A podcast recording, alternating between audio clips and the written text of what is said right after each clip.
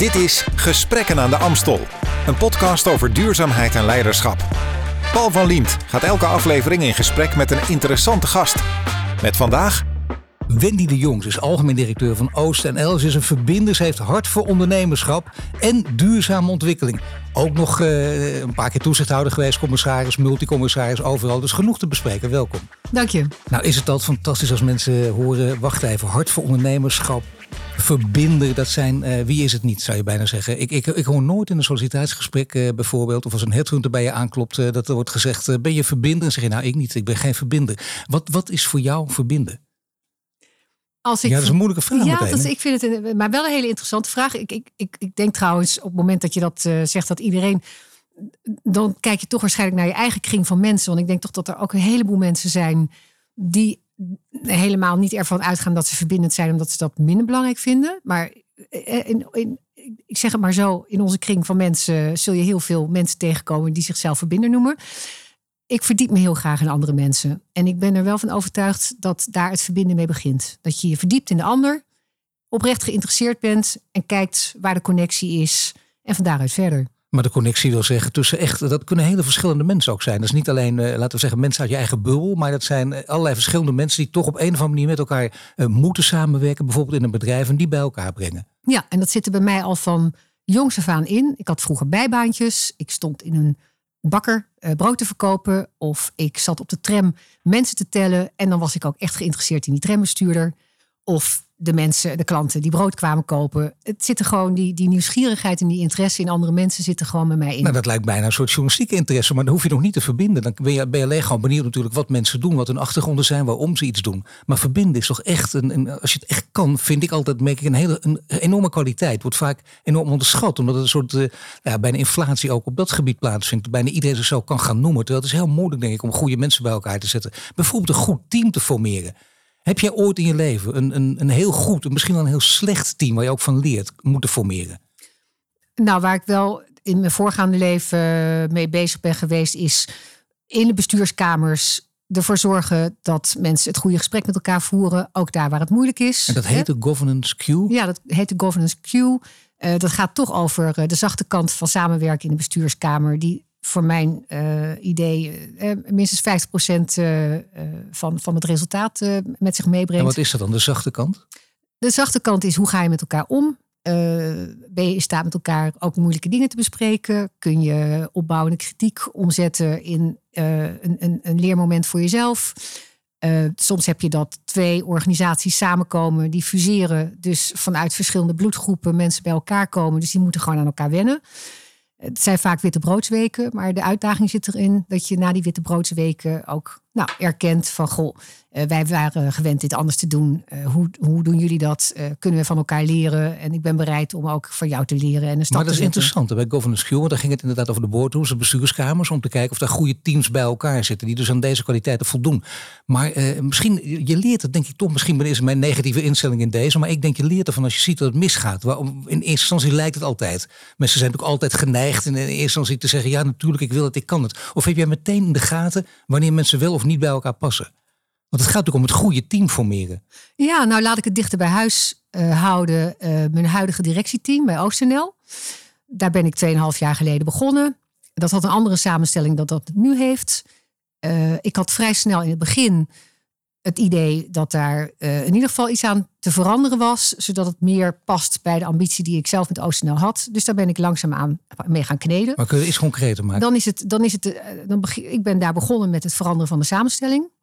Maar vervolgens, hè, op het moment dat maar je dan zo een dat team je in de regel, maar wat bedoel je, want dat vind ik wel, wat, wat bedoel je met veranderen van de samenstelling? Bijvoorbeeld dat er alleen maar mannen zaten, zoals in, uh, nou, ja. we hebben het Chinese partijcongres ja. gezien, er moeten vrouwen bij, ja. zoiets? Ja, maar niet alleen uh, vrouwen, ook uh, kwaliteiten van, van, die, die passen bij de ambitie die we met z'n allen hebben met OostNL. toekomstgericht, de lat iets hoger. bepaalde kennis op het gebied van risicomanagement en IT. Uh, dus nou, gezorgd dat dat aan boord is gekomen. Maar vervolgens begint dan het werk pas. Dat wou ik eigenlijk zeggen. Op het moment dat je een team bent, begint het werk pas. Dan moet je tijd nemen voor elkaar. Dan moet je niet alleen maar hollen en uh, de dingen doen uh, waarvan je denkt dat, je, dat dat je werk is. Maar dan moet je ook tijd nemen. En dat begint met hij, elkaar persoonlijk leren kennen. hij-sessies. Ehm, maar ook op een gegeven moment gewoon feedback vragen en ook feedback geven. Maar vooral, eh, dat geloof ik dan ook alweer heel sterk, is ook vooral feedback vragen. Het, geeft, het gaat toch om die voorbeeld, voorbeeldrol die je dan zelf pakt. Het is net als met vertrouwen. Vertrouwen moet je niet vragen, vertrouwen moet je geven. Maar daar moet je ook enorm zelfvertrouwen voor hebben om feedback te durven vragen. Dan moet je ook inderdaad vertrouwen in de ander hebben. Uh, persoonlijke chemie in zo'n team, wat jij nu beschrijft bij, bij jou bij OCNL. Speelt dat een grote rol? Is dat zelfs essentieel of niet? Of hoeft dat helemaal niet? je ja, kunt soms ook zakelijk met elkaar vinden, terwijl je gewoon uh, privé misschien elkaar nooit wil opzoeken. Ja, ik denk dat dat zeker kan. En, en ik weet niet precies wat je dan bedoelt met persoonlijke chemie. Kijk, het hoeft niet altijd, uh, het hoeft niet altijd roze geur en maneschijn te zijn. Sterker nog, je moet daar ook een beetje karakters in hebben in die groep. Dat het af en toe een beetje schuurt. Wat ervoor zorgt dat je ook eens nadenkt van ja, zijn we nou wel met de goede dingen bezig? Want ik hoor hier een ander verhaal en misschien is dat eigenlijk ook wel een goed idee dat, het, uh, voordat je weet zit je anders uh, met z'n allen op hetzelfde pad. Nou, bij chemie denk ik altijd aan, eh, laten we zeggen, ik, ik, ik wou zeggen voetbal, maar dat doet er eigenlijk niet toe. Algemeen met name aan sport. Omdat je daar ziet dat, dat een teamprestatie vaak bij teams ook heel belangrijk en lonend is. En dan zie je gewoon bijvoorbeeld aan de manier van juichen al. Of er enige chemie is, of ze het elkaar gunnen, of ze het prettig met elkaar hebben. Dat, dat, dat is heel belangrijk. En als dat niet zo is, ja, dan heb je toch, dan kan het wel schuren. Maar ja, dan, dan kun je ook denken, oh jee, ik heb geen zin om morgen te komen, want die en die zijn er, maar die is er ook. En dat wil je niet. Ja. Nou, ik denk dat dat belangrijk is. Maar ook in dat sportteam, dat hoeven niet eh, vervolgens thuis ook vrienden te zijn. Nee. Je moet professioneel, moet je chemie hebben met elkaar. Nee, dus je hoeft ook niet elk weekend een heidag eh, te hebben. Nee. Daar word je gek van natuurlijk. Nee. tegelijkertijd denk ik, het is ook belangrijk dat het leuk is op het werk. Je zit daar gewoon uh, een groot deel van de tijd. Als je bij elkaar optelt hoeveel tijd je op je werk zit en hoeveel tijd je thuis zit, zit je toch vaak meer op je werk. Dus het is ook gewoon belangrijk dat het leuk is. Dus die chemie, daar geloof ik inderdaad wel in. OCNL is uh, officieel, staat het overal uh, te boek als ontwikkelingsmaatschappij. En uh, ik zei al, innovatie is daar heel erg belangrijk. Vooruitkijken, kijken zoals wij in dat deel van Nederland doen. En dat deel van Nederland is vooral denk ik Oost, Overijssel en Gelderland. Ja. Een, een, aparte bestuurslaag ook, de provincie. Bovendien binnenkort ook provinciale statenverkiezingen, ook nog belangrijk genoeg. Maar waarom is deze bestuurslaag nodig? En eerst, waarom is OCNL nodig? OCNL is nodig omdat niks vanzelf gaat. Ik denk dat dat bottomline het verhaal is. Wij zijn aanjager van innovatief ondernemerschap. Ondernemerschap wat zich richt op in Oost-Nederland de voedseltransitie, die energietransitie en de zorgtransitie. Dus hebben we duurzaam voedsel? Hebben we straks klimaatneutrale energie? Hebben we straks uh, toegankelijke zorg? En dat, dat dat eh, klinkt allemaal heel logisch. Dat er geïnvesteerd wordt in start-ups. Uh, dat er programma's geschreven worden uh, waarmee Europese middelen naar de regio komen om, om een bepaalde industrie te versterken. Maar dat gaat gewoon niet vanzelf. Dus daar heb je een organisatie voor nodig die met structuur daaraan werkt. Nou, we worden daartoe in staat gesteld door de provincies en door het ministerie van Economische Zaken. We doen dat overigens al 40 jaar. En uh, ik denk dat we in oorsprong uh, ontstaan zijn vanuit het idee van economische structuurversterking, zorgen voor bedrijven en banen. Tegenwoordig is het toch veel meer gericht op die maatschappelijke impact. Maar met name de ontwikkelactiviteiten die we doen. Dus het zorgen voor die, voor die voedingsbodem in die regio, zodat die innovatie ook echt gebeurt. Maar kun je een paar voorbeelden geven op dit gebied? Nou, als je het bijvoorbeeld hebt over voedselverspilling. En ik, ik las uh, deze week, wij staan blijkbaar als Nederland ook in de top 5 van voedselverspillers in Europa. Dus dat is me nogal een vraagstuk. Um, wij investeren in, uh, in programma's die landelijk met onze collega regionale ontwikkelingsmaatschappij worden uitgerold. Om heel gericht die voedselverspilling tegen te gaan. Door programma's te uh, schrijven waarmee bedrijven die ideeën hebben om aan voedselverspilling uh, om dat tegen te gaan. Om die stap verder te helpen en hun ideeën ook echt daadwerkelijk naar de markt te laten komen. Dat is een groot verhaal voor duidelijk. Want je zegt dat top 5, maar ik vind het echt inderdaad heel erg groot. Top 5 in Europa, dat is echt iets van En om een voorbeeld te noemen, heel leuk. Je hebt een bedrijf in Oost-Nederland, de start-up One Third. En die heeft met artificial intelligence hebben ze een sensor waarbij je kunt uitrekenen hoe ver zeg maar, het, het etenswaar al aan het vergaan is, zodat het gewoon gegeten moet worden. Nou, als je dat in de keten toepast, dan is daar daadwerkelijk voedselverspilling tegen te gaan. En hun naam One Third, die is gebaseerd op het feit dat ze zeggen als dit gewoon globaal wordt uitgerold, dan kunnen wij een derde van de voedselverspilling tegengaan. Nou, dat, is gigantisch. Dat, is heel gigantisch. ja. Dat is heel groot. Dat bedrijf helpen wij dan dus ook. Dan zou je kunnen zeggen dat bedrijf kan ook geholpen worden, eh, landelijk of, of op gemeenteniveau. Waarom is er per se deze bestuurslaag nodig van de provincie? Omdat je in de, in de praktijk tegen, tegen twee dingen aanloopt. Je loopt tegen marktfalen aan en je loopt tegen transitiefalen. En om die woorden uit te leggen, de, uh, de private markt, daar is heel veel geld. En er zijn ook heel veel ideeën en er zijn ook heel veel mogelijkheden. Maar er is een stuk wat gewoon niet opgepakt wordt. Om heel veel verschillende redenen. En risico is een hele belangrijke daarvan. En juist in die hoek, daar zit het publieke geld, daar zitten de publieke middelen. Om ervoor te zorgen dat het vliegwiel op gang komt. En dan wordt het opgepakt door de markt en dan kan het verder. Maar dat eerste maar dat risico, dat risicoverhaal is dus van belang. Maar ook heb je daar een voorbeeld eh, van? Want op, op welk gebied speelt dat risico een hele grote rol? Nou, het risico speelt een hele grote rol bij vroege fase. Bedrijven, als er pas een idee is, maar verder eigenlijk nog geen goed plan dan is het heel moeilijk om daar financiering voor te krijgen. En wij gaan dat, dat bedrijf, of dat is dan eigenlijk nog niet deze bedrijven, die gaan we gewoon helpen om dat plan te maken. Market readiness programma's heet dat. En investor readiness programma's. En als er dan een plan is, geven we ook nog een stukje financiering. En van daaruit verder. En die financiering is er, want het gaat steeds over grote bedragen. Ik geloof uh, honderden miljoenen. Komt op, hoe kom je uit op 400 Alles bij elkaar opgeteld. Ja? ja, we hebben in onze fondsen alles bij elkaar opgeteld. Iets van 600 miljoen. Maar dat zit echt in, uh, in heel veel kleine bedrijven. En dat zijn alleen nog maar de fondsen. Maar we hebben ook Europese programma's. Waarbij we zeg maar uh, uiteindelijk vouchers hebben voor bedrijven. Waar ze met kleinere bedragen ook een bepaalde innovatiestap in het product. Nu heb je dat geld natuurlijk nodig. Ik snap ook dat deze bestuurslaag op deze manier nodig is. Omdat het dan ook juist normaal gesproken denk je. Als je, als je die niet in verdient bent je dood. Heel stroperig. Dat roepen mensen heel makkelijk aan talkshowtafels. Het tegendeel is dus waar je, jaagt aan en het gaat ook sneller. Je kunt een klein bedrijf ook sneller helpen, sneller aan geld helpen en sneller ook groot maken. En ook uh, het risico nemen dat het misgaat. Daar gaat het gewoon om. Uiteindelijk uh, kun je ook zeggen, luister, uh, eh, OCNL moet van alles doen, hele mooie dingen doen, maar er is nooit geld genoeg. Zeker niet in deze tijd. en dan wordt altijd het woord complex terecht, denk ik, ook daar opgeplakt. Maar als leider wil je niet altijd het woord complex gebruiken, want je bent er ook voor oplossingen en ook een beetje civiel courage. Af en toe lef tonen, dingen durven. Uh, klimaat is belangrijk voor jou. Duurzaamheid is belangrijk. Daar praten we in deze serie heel veel over.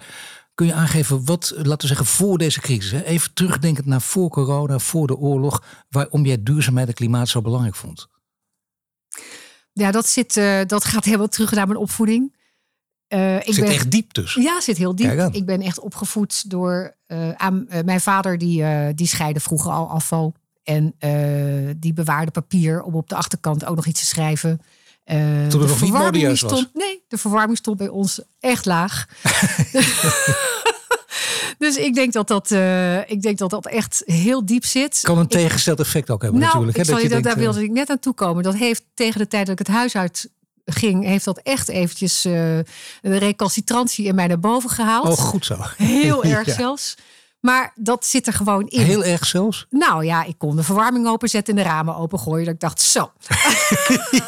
ja, dat vind ik wel een normale nou reactie. Ja. Eh, nou mag ik het zelf bepalen. Um, maar zoiets zit wel diep. Ik denk dat dat, dat, dat het wel is. Dus ik, ik, ik ben toch vanuit nature ben ik daar wel mee bezig. En als ik kan kiezen, dan denk ik toch na over, uh, kan dit duurzaam? Eh, eh, vervolgens ben ik ook niet heilig. Dus uh, soms ben ik ook praktisch. En dan uh, is het weer net iets minder duurzaam. Maar het is voor mij wel een reden waarom ik dan ook gekozen heb voor iets als OostNL. Ik zat daar al uh, in de buurt van die organisatie. vond prachtig wat ze doen.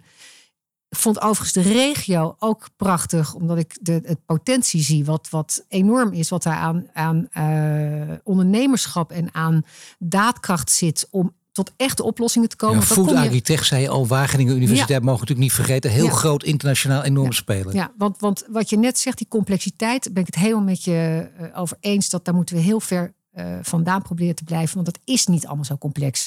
Het is soms ook een kwestie gewoon doen, gewoon beginnen. En dat is bottom-up. Je moet gewoon beginnen. En niet meteen het hele plaatje compleet willen maken, maar gewoon met een onderdeel beginnen. En van daaruit doorbouwen. Maar zo zijn we in Nederland zitten we wel in elkaar. Nou, ik, ik, ik hoop bijna, ik zou bijna zeggen Wendy for president. Dat nou. zitten wij op te wachten gewoon. Nee, maar goed, het is, het, je ziet in, in, in leiderschap wel. Ik probeer het even in grote, grote lijnen neer te zetten.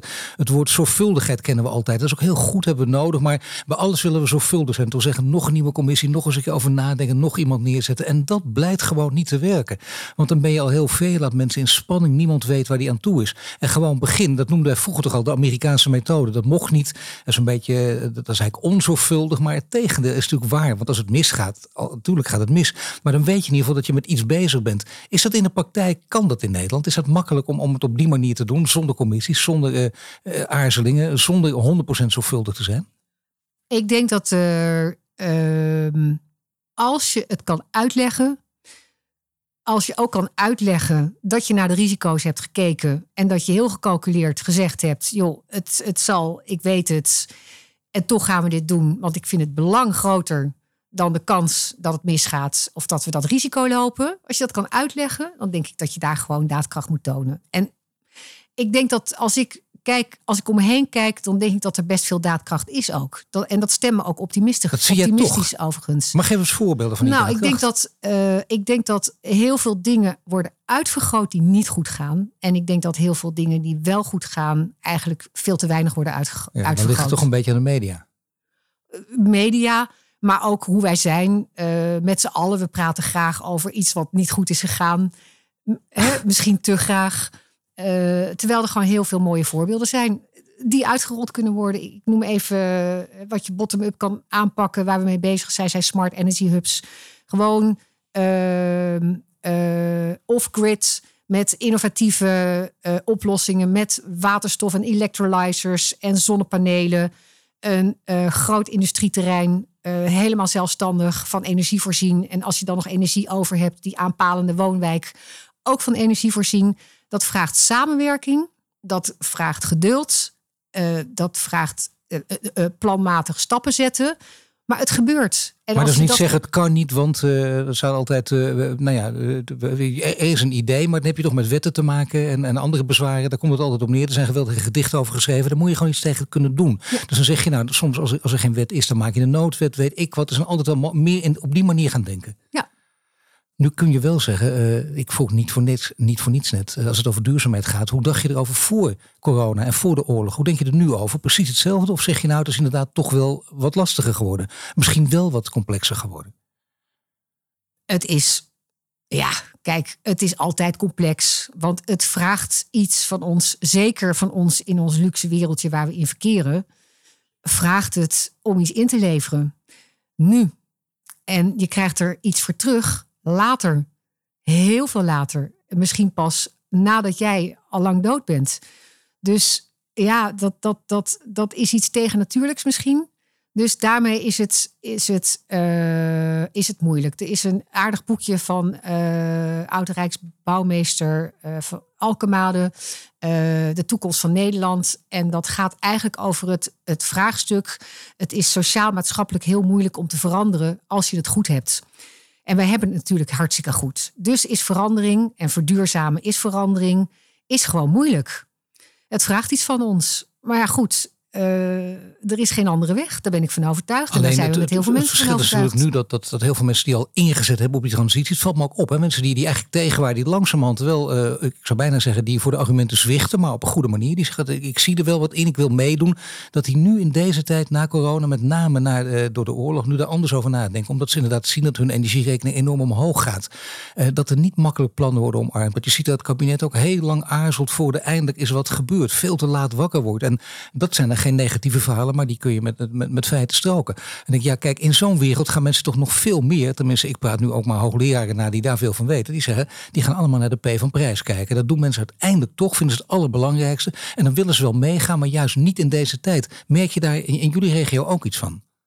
Maar dan bedoel je dus dat nu de energieprijzen hoog zijn, zijn mensen ineens wel bereid om te veranderen en te verduurzamen. Nou, aan de ene kant dus dacht, je, dacht je dat wel, dat, dat, dacht je wel dat dat zou gebeuren. Aan de andere kant juist weer niet, want ze denken ja, maar wacht even, uh, geen, ik wil best van gas af, maar nu door, die oorlog niets. Want dan denk je, wacht, kijk, ik, ik betaal nu zoveel, ik heb zo weinig geld. Het, ging, dat, het verhaal ging over in Nederland 1 miljoen huishoudens die, die op een, uh, die een aardig bedrag hadden, die het redelijk voor elkaar hadden, als financieel alles onder controle, met twee kinderen, maar dan net te weinig verdienen en nu opeens merken van ik kan dit niet meer betalen. Dit is echt te veel. En die komen echt in financiële problemen. Dat zijn veel mensen, heel veel mensen. Dus die denken daar opeens toch wat anders over. Die vonden die energietransitie prachtig en die willen daar langzaam stapje voor stapje aan meedoen. Maar die willen dat nu even niet, want die zeggen nee, dat gas hebben we wel degelijk nodig. In Groningen ligt er nog wat bijvoorbeeld. Ja, ja en dat is, ik vind dat heel begrijpelijk. In, in, in het, op het menselijke vlak vind ik het heel begrijpelijk. En vind ik dat je van een individu en een particulier niet de oplossing mag vragen die hunzelf helemaal overstijgt.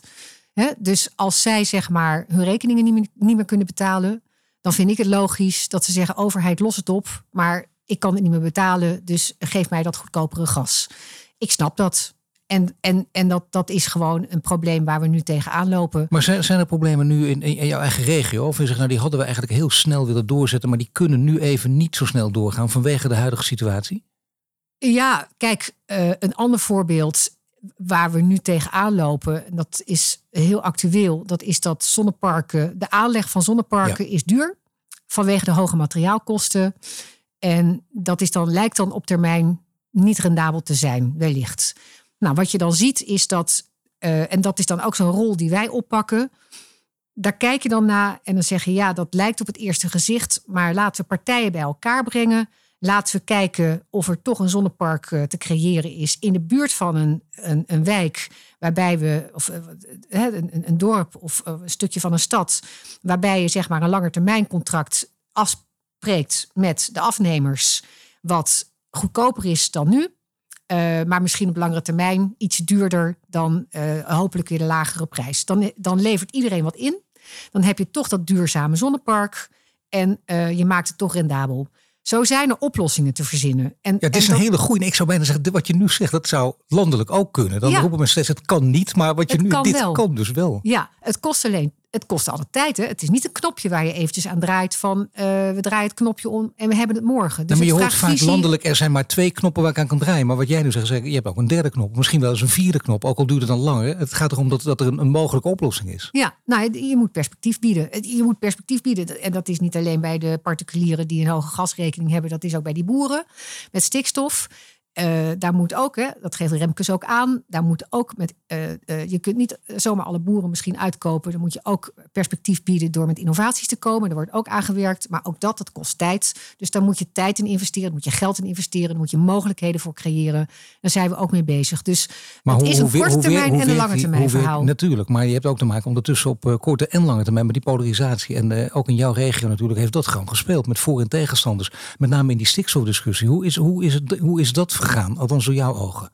Ja, ik, ik denk dat het ontzettend belangrijk is. Communicatie is zo belangrijk. Het, het wordt continu onderschat hoe belangrijk communicatie is. En hè, wat net, net eventjes over de media. Uh, je kunt dingen uitvergroten op verschillende manieren. Maar zo kun je dus ook uitvergroten hoe je op een goede manier bezig bent. Hoe aan dingen gewerkt wordt, zodat je mensen meeneemt. Uitleggen. Er zijn gewoon te veel mensen die, uh, die gevoed worden door informatie die niet klopt uh, daar bang van worden. En ik begrijp dat allemaal. Dus het, het, het, het kost tijd, geld en energie om ook aan die communicatie te werken. Dat is de wereld waar we in leven. Dus daar moet je gewoon mee aan de slag. Ja, communicatie is inderdaad heel erg belangrijk. Daar ben ik helemaal met je eens. Het viel ook weer op bij Remkes natuurlijk. Op dat moment. Wat, wat, wat vonden de boeren het allerbelangrijkste? Eindelijk iemand die naar ons luistert. Dat vond ik eigenlijk een hele pijnlijke boodschap. Want dan denk je, ja, dat, is, dat ligt er voor de hand. Dat doe je toch altijd? Natuurlijk luister je. En niet luisteren alleen maar in de zin van ik hoor wat je zegt. Maar vervolgens misschien ook wel wat mee doen. Of als je er niets mee doet, heb je geluisterd. Maar dan doe je er om die reden niets mee. En dan kan het ook. Dan kun je inderdaad, ja, dan, dan moet je een vervelende beslissing nemen. Maar dat is toch anders. Wat gek toch dat dat gewoon, dat, dat jij dat zegt. Dat Remkes het doet. Dat er maar een paar mensen zijn die het kunnen. Waar ligt dat aan? Nou, en dat is dus verbinden. Dus wat mensen zichzelf heel vaak in de mond nemen dat ze een goede verbinder zijn, wil nog niet zeggen dat ze allemaal een goede verbinder zijn. Dat is echt, dat, is, dat, dat vraagt echt iets van je. Want het is, het is precies wat je zegt. Je moet je in die ander verdiepen. Die ander moet zich gehoord voelen, die moet zich gezien voelen. Uh, die wil graag begrijpen wat je ermee doet. Laat nog eens een keertje weten wat je ermee gedaan hebt. Ja. En ik zelf ook, hè, door de drukte van de waan van de dag, kom je daar niet altijd aan toe. Uh, en, en, en kom je soms te laat erachter van, oh, ik had nog eventjes iemand moeten bellen of iets moeten uitleggen of nog eens mee moeten nemen in dit verhaal. Dus heel begrijpelijk, maar En zo moeilijk is het dus. Maar, maar dat is het wat het van ons allemaal vraagt. En nog moeilijker is daarna, het vervolg van het proces is inderdaad die knoop doorhakken. Die, die, dat vereist dus eh, enige moed. Eh, de, de prachtige Franse term, dat ze veel courage. Van durf je ook iets te doen. Uh, waardoor je als, als leider ook duidelijk maakt dat je er niet alleen voor jezelf zit. En ik geef toe, het is heel menselijk als mensen daar kritiek op hebben op leiders. Die zitten alleen voor zichzelf. Ja, dat hebben we allemaal natuurlijk, dat hoort erbij. Maar uiteindelijk zit je er toch voor het algemeen belang. Daarvoor ben je ook aangesteld. En je moet dus ook een risico nemen. Dat het kan zijn dat je, ja, dat je, dat je juist dat risico ben voor aangenomen. En dat het verkeerd kan uitpakken. En dan zou ik denken, dan voel je jezelf goed genoeg om. dan ga je weer wat anders doen. Ja, en ik, ik vind het, uh, jij maakt in een uh, bijzin maak je de opmerkingen van leiders, uh, je zit daar toch voor jezelf. Dat vind ik een aanname die, die je lang niet van iedereen uh, hoeft aan te nemen. Ik denk dat er een aantal hele goede leiders zitten die er echt niet voor zichzelf nee, zitten. Nee, maar ik bedoel, we zien nu natuurlijk, als we de geschiedenis teruggaan, we hebben nu genoeg reconstructies gelezen, dat je denkt, ja, oh ja, dat heeft iemand gedaan. Ik probeer daarbij te zeggen, het is niet alleen, en dan kun je dus makkelijk zeggen, zie je wel, ik snap heus wel dat iemand dat ook, maar je wil dat het niet zo is. Dat juist in deze tijd er mensen zijn die inderdaad knopen durven doorhakken en die, die dat doen omdat ze verbinden zijn. Dus voor het algemeen belang en niet voor zichzelf. Ja. En jij ziet ze genoeg ik zie wel mensen die knopen doorhakken en die echt bestuurlijke moed hebben. En niet alleen individuen. Ook... Maar zo je meet die polarisatie ook. Dat, is, dat, echt, dat kun je toch niet onderschatten? Nee, zijn, zeker en, en het zijn moeilijke tijden. En, heel... dat, dat, heb je niet voor niks. En dat heeft, dat heeft toch echt met crisis in de leiderschap te maken. Ik zie dat absoluut. Ja. Maar goed, jij, jij kent beide kanten. Je bent zelf een leider. Je, je, je hebt op het gebied uh, opleidingen, cursussen gevolgd. Je hebt, je hebt enorm veel ervaring. Uh, je hebt voor zware taken gestaan. Je hebt, kent ook de andere kant, dat wil zeggen, de toezichthouder. Dat is ook een belangrijke natuurlijk. Uh, je hebt governance Q, heb je het ook gezien hoe het in die bestuurskamers werkt. Waar ligt dat aan? Waarom hebben we niet genoeg leiders die in crisistijd opstaan en knopen durven doorhakken? Het is de moeilijkste vraag die ik kan stellen hoor. Ik bedoel, daar geef ik meteen toe. Daar, daar moeten we tien congressen over doen. Daar moet je heel lang over nadenken. Maar dat is, daar, daar zoek je nu naar. Want als je het antwoord daarop hebt, dan weet je wat voor leiders we nu nodig hebben en, en wie het zijn. Ja, ja, ik, ik vind het een hele mooie vraag. En het is inderdaad uh, meer vrouwelijk leiderschap. Zou zeker helpen. ja. Ja, ja het, het lijkt een dooddoener, maar ik, ik, ik, ik geloof daar wel heel sterk in. Ik, ik, uh, je ziet wereldwijd in ieder geval, zie je, en ook wereldwijd zie je niet uh, overal de beste voorbeelden van vrouwelijk leiderschap, overigens, heel actueel.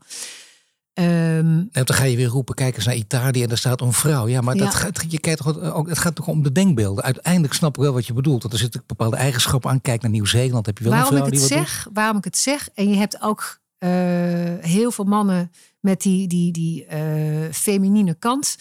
Ik denk dat het uiteindelijk in leiderschap ontzettend belangrijk is dat je je kwetsbaar durft op te stellen ik denk dat het daar echt op aankomt. En jij zei uh, eerder ook, uh, ja, dan moet je toch een bepaalde mate van zelfvertrouwen hebben. Ja, ja, ik denk dat het daar zeker op, op aankomt. Maar ik denk dat als je je kwetsbaar durft op te stellen, en, en, en dat is het hem, dan ben je dus ook bereid om risico's te nemen. Want uh, risico nemen maakt je kwetsbaar. Je bent ook bereid om te leren. Je bent ook bereid om toe te geven van dit heb ik misschien niet helemaal goed gezien of goed gedaan. Hoe kan ik het anders doen? Ik denk dat dat wel een hele belangrijke factor is. Want, want door je kwetsbaar op te stellen, geef je ook anderen vertrouwen. Creëer je mogelijkheden. En ja, goed, uh, kun je verandering in gang zetten. Durf jij jezelf kwetsbaar op te stellen? Ik, ik vind van mezelf wel. Je zou het aan anderen moeten vragen of het ook echt zo is. Nee, die zijn er niet maar bij. ik dus vind het, ja, ik, ik durf mezelf kwetsbaar op te stellen. Ik durf mijn persoonlijke verhaal te vertellen. En het persoonlijke verhaal is vaak ook kwetsbaar. Kun je, daar, iets over zeggen? Wat, is een deel van een persoonlijk verhaal waarvan je denkt, nou dat ik stond voor de groep of ik zat met een paar mensen in een kamer. Ik dacht, moet ik het wel of niet doen? Ik heb het gewoon verteld. Ja, dat, dat heb ik gedaan. Dat sowieso. Ik heb eigen ontwikkeltrajecten doorlopen. Uh, waarbij ik diep bij mezelf heb gekeken van, nou, wat uh, heeft mij gevormd? Uh, Geef iets prijs, Wendy. Dat willen we weten ik ben wie ik, wie nee, maar kun je ik, iets noemen? Ik bedoel, ik snap het. Het is niet hier de plaats. Ze gaan hier niet vijf uur uh, psychoanalyse bedrijven. Maar het is wel goed om iets te noemen. Of je denkt, oei, dat, dat, dat, dat, is, dat spreekt aan. Als je nu luistert, denk je, ik snap wat ze bedoelt. Ja, nou kijk, ik, ik, ik kan heel makkelijk zeggen dat ik het niet weet. En uh, ja. dat kon ik 30 jaar geleden niet. Echt niet. Want dan was ik ontzettend bang voor een afgang. Nou, dat, dat heeft te maken met persoonlijke groei, denk ik ook. Tegelijkertijd, ik ken genoeg jonge mensen nu in mijn eigen omgeving die dat heel normaal vinden, dat je dat, je dat zegt. Nou, ik vond dat dus niet. Nee. Ik kon het niet. Nee, dat is een heel goed. Dat vind ik een hele goede zo. Zo zou ik niet eh, als eerste opkomen, maar dat is een hele goede. Dat, is een, dat durven de meeste mensen inderdaad in de praktijk niet. En dan toch een beetje meebluffen, net alsof je het weet. Want oh, ze zullen me misschien niet slim genoeg vinden. Of ik ben niet goed genoeg voor die functie. Terwijl het juist het beste is wat je kan doen. In feite deed Remkes dat ook. In die ja. bij die boer, dat weet je beter dan ik. Vertel maar. Dat mag ook natuurlijk. Had jij, had jij het ook op die manier gedaan zoals Remkes dat doet? Want je ziet wat het effect is natuurlijk ook in je eigen omgeving. In Overijssel, in Gelderland. Nou, wat ik vond dat hij goed doet, deed, was dat hij zo ontzettend veel tijd nam. Ook om zijn verhaal uit te leggen toen hij eenmaal het rapport presenteerde. Want volgens mij heeft hij wel een uur staan praten. Ja. Nou, ik, heel eerlijk gezegd had ik dat niet verwacht. Ik weet niet waarom ik dat niet had verwacht, maar ik vond het in ieder geval heel verstandig. Want dat is dan weer communicatie. Ik denk, hij neemt de tijd. Hij heeft echt zijn punten nog een keer gedrukt. Hij ging daar ook echt langs de verschillende thema's uh, die belangrijk gevonden worden door de verschillende partijen. Hij gaf daar ook echt, hij benoemde aan het eind ook het feit dat hij besefte dat hij uh, niet geaccepteerd was in het begin. Ja. En uiteindelijk dus toch hoopte uh, hier een brug mee te slaan. Ja, hij benoemde de dingen. En, dat, dat, en ook heel kritisch op de kabinetsleden, waar de ja. kabinet, op het kabinet waar de kabinetsleden zelf bij zaten. Ja. Dat zie je ook niet zo vaak. Nee, dat heb ik uh, in, in de achterkamertjes gedaan. heb je gewoon op die plek gedaan. Nu ben je met OCNL bezig met grote trajecten, met ook hele mooie dingen. Ondanks deze moeilijke tijden, deze hè, toch inderdaad complexe tijden. Zijn er een paar dingen van je zegt, nou die wil ik even uitpikken. Die wil ik graag vertellen, want dat is iets, daar ga ik me de komende tijd op richten. En daar ga ik al mijn energie in stoppen. Of daar krijg je dus ook energie van. Nou, waar, waar ik heel graag me op wil uh, richten, ook in dit gesprek. Dat is dat de, de, de, eh, de ontwikkelactiviteiten van regionale ontwikkelingsmaatschappijen, die zijn ontzettend belangrijk. Echt ontzettend belangrijk om bottom-up in Nederland tot oplossingen te komen. En um, we werken dus met z'n negenen allemaal samen. Um, het voorbeeld wat ik je net gaf over die smart energy hubs. Daar is bijvoorbeeld uitgerekend dat als je die uitrolt in Oost-Nederland, dan bezuinig je 20 tot 25 procent CO2-reductie. Heb je 300 miljoen euro minder nodig om te investeren in het net. Dus schaal dat naar Nederland, dat is echt aanzienlijk. Uh, in de voedselverspilling, ander voorbeeld dat ik net gaf. Dus er zijn bottom-up, zijn er gewoon ontzettend veel projecten, investeringsmogelijkheden om tot oplossingen te komen. En wat vraagt het van leiders, uh, bottom-up? En dat vraagt, dat vraagt van leiders, maar dat vraagt niet alleen van leiders bottom-up, maar dat vraagt ook van leiders top-down te kijken Waar zijn zij mee bezig en waar kan ik ze dan uh, in faciliteren? Bijvoorbeeld in wetgevingen. Uh, in de energietransitie heb je toch aanpassingen van de wet nodig. Help dat faciliteren. Um, uh, uh, financier deze ontwikkelingsmaatschappijen voldoende, zodat we de handjes hebben om het werk ook gewoon te doen. Maar dus vertrouwen hebben in die maatschappijen, ook vertrouwen hebben in de professionals, dat ze dat gewoon kunnen zonder dat je daar voortdurend bovenop staat leidinggevende. Want dat is in zekere zin ja. faciliteren. Dat, dat, houdt ook in zelfbeheersing, of niet? Nou, en, en, en wat ik eraan zou willen toevoegen, ik had laatst bij een gesprek georganiseerd door Economische Zaken, maakte ik de vergelijking met de Raad van Commissarissen in crisis. Uh, een raad van commissarissen in crisis heeft de neiging om een dichte op te kruipen. Het risico is dat je dan het moeras ingetrokken wordt. Dat zie ik bij de politiek in Den Haag voor een deel ook. Als je niet uitkijkt, gaan ze er te dicht op zitten en worden ze in het moeras getrokken. In plaats van dat je in Den Haag met de hoofdlijnen bezig moet zijn, visie moet ontwikkelen en vervolgens het mandaat aan de regio's moet geven en hun moet faciliteren om voor de oplossingen te zorgen. Ja, maar dat is precies waar het over gaat, denk ik inderdaad. Misschien is dat wel een hele belangrijke uh, wijze les zelfs. Want dat is wat je als leider dus moet kunnen. En dat betekent dus, ik noem het zelfbeheersing. Misschien kun je beter zeggen beheersing. Dat vergt dan wel of niet? Nee, dat, dat ik bedoel, geen zelfbeheersing. Ontzettende kracht om snelheid te maken en door te gaan. Want er, er kan heel veel en er moet heel veel. Dus zodra je meer mandaat krijgt en daar ook in gefaciliteerd wordt hè, met, met geld. Laten we dan even heel simpel zijn, maar die mensen moeten aangenomen worden om dat te doen. Dus daar hebben we middelen voor nodig. Dan kan er gewoon heel veel. Maar ik bedoel, beheersing is van niet er bovenop willen zitten. Niet zeggen, ik ga nu duwen. Laat het uit, uiteindelijk uit die mensen zelf komen. Ja. Omdat je ook hier weer dus het vertrouwen moet ja. hebben. Wat wij dan weer doorgeven aan die ondernemers bijvoorbeeld. Want er zijn gewoon heel veel innovatieve ondernemers. Die ook hè, uh, geven financiering en vertrouwen. Volg het. Maar geef ze ook de ruimte om vervolgens ook te doen wat ze beloofd hebben. En daar gaat dus heel vaak ook heel veel goed. Ik hoor in dit, uh, ik zou bijna zeggen, ja, uitgebreide, maar toch wat mij betreft relatief korte gesprekken. Zou nog uren kunnen praten. Een paar hele interessante punten voorbij komen. Ook uh, spreekt er volgens mij enorm veel ambitie uit. Je hebt nog heel veel te doen bij OostNL. Je moet nooit je eigen ambities uitspreken. Maar ja, in Nederland hebben we nog geen vrouwelijke president gehad. Idioot toch gewoon? Ik bedoel, kijk eens naar Finland bijvoorbeeld. Ze lopen ons allemaal voor. Nou, inderdaad, Italië ook. In Nederland niet, nog steeds niet. Alleen mannen. Je had het net over vrouwelijk leiderschap. Is het een ambitie van je zegt, nou, ik zeg geen nee, of zeg je nou dat zeker niet? Dat werd aan Edith Schippers ook gevraagd. Hè?